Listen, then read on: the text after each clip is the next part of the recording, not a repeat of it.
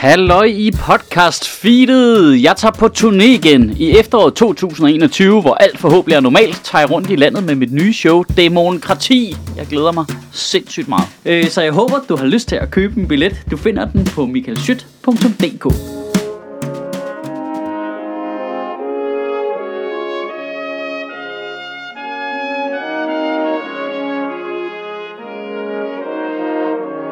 Goddag. Nå, hvad skal vi snakke om?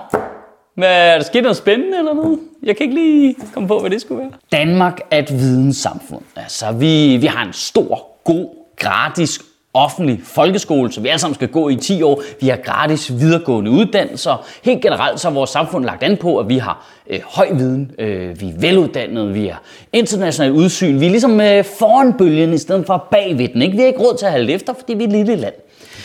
Men den der øh, melodi, der begynder at have sådan en lille mislyd, fordi i takt med, at politikerne ligesom i højere og højere grad bruger spin imod os, og medierne også er slemme til at øh, misrepræsentere nogle ting, og øh, øh, sociale medier øh, spreder direkte misinformationer, så begynder vi langsomt at undergrave tilliden til vores samfund.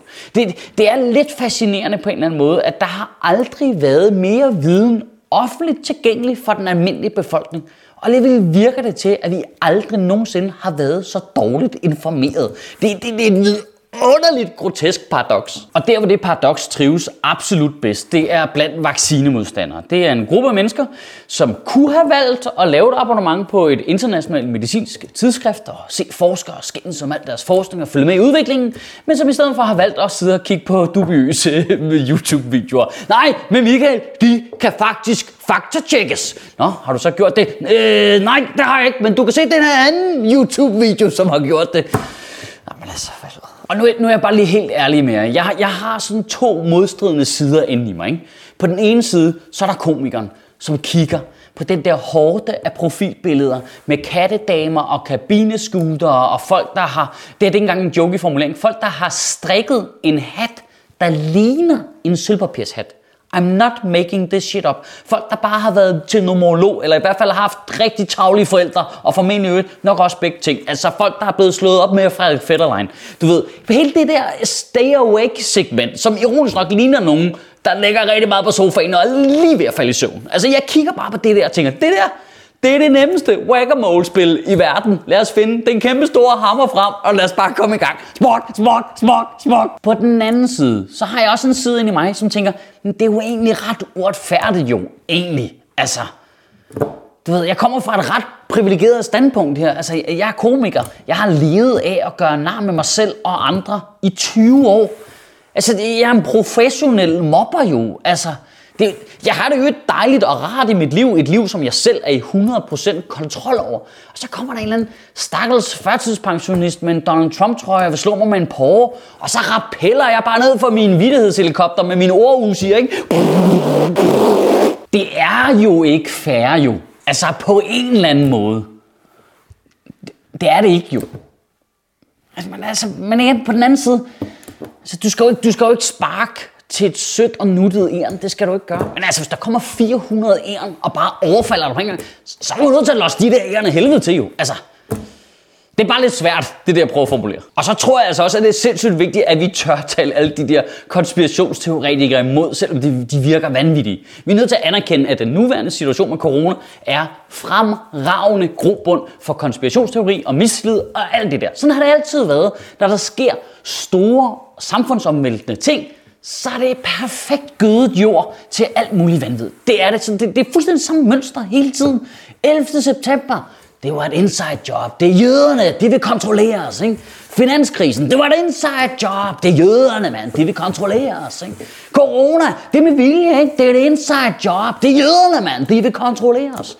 Der er noget fascinerende i, at de der konspirationsteoretikere, det er folk, der kigger så meget efter mønstre men til sydenladende ikke kan lure mønstret i, at det er den fucking samme konspirationsteori, de prøver at klistre på en ny begivenhed hele tiden. Det er, jo, det er jo folk, der bare må kigge på Taken 1, 2 og 3 og tænke, hold kæft, det er fedt med så forskellige film. Og nu er det så den øh, kommende nye coronavaccine, som får fuldstændig den samme tur i møllen igen. Ikke? Det er fuldstændig det samme.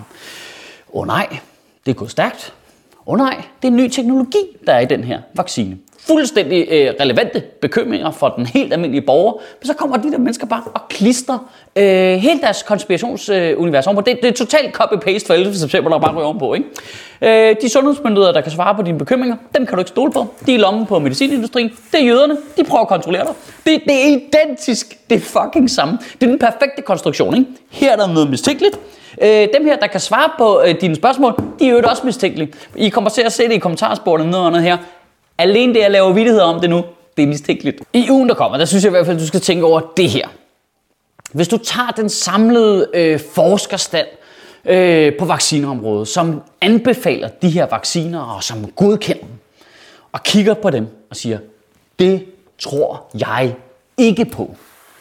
Hvis du kigger på øh, alt det arbejde, de har lavet med RNA-vacciner tidligere, og siger, jeg er ligeglad med, at I har studeret det i overvis. Jeg er ligeglad med, at det er det eneste, I fucking laver. Jeg er ligeglad med, at I er kæmpe nøds, der bare arbejder med det her for evigt, for at prøve at redde os alle sammen. Og siger, det tror jeg ikke på. Hvordan er du så anderledes end de mennesker, der kigger på den samlede klimaforskerstand, som siger, hey, vi er nødt til at tænke os om, hvad vi gør med vores planet, ellers går den i stykker. Hvordan er du anderledes end dem? Det er fuldstændig det samme. Hvordan er, det, hvordan er du anderledes end dem, der kigger på vores øh, samlede pædagogstand, som siger, hey, vi er nødt til at stoppe op. Vi er for få mennesker på arbejde. Vi kan ikke passe ordentligt på jeres børn. Hvordan er, hvordan er du anderledes end dem?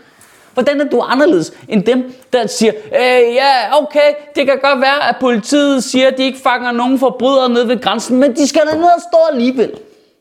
Ja, man kan jo godt se, hvor de får de her idéer fra. Og så husk, folk, der ikke gider læse, de har ingen fordel over folk, der ikke kan læse. Kan du have en rigtig god uge og bevare min bare røv. Åh, oh, så kan vi heller ikke koge mere suppe på det, var.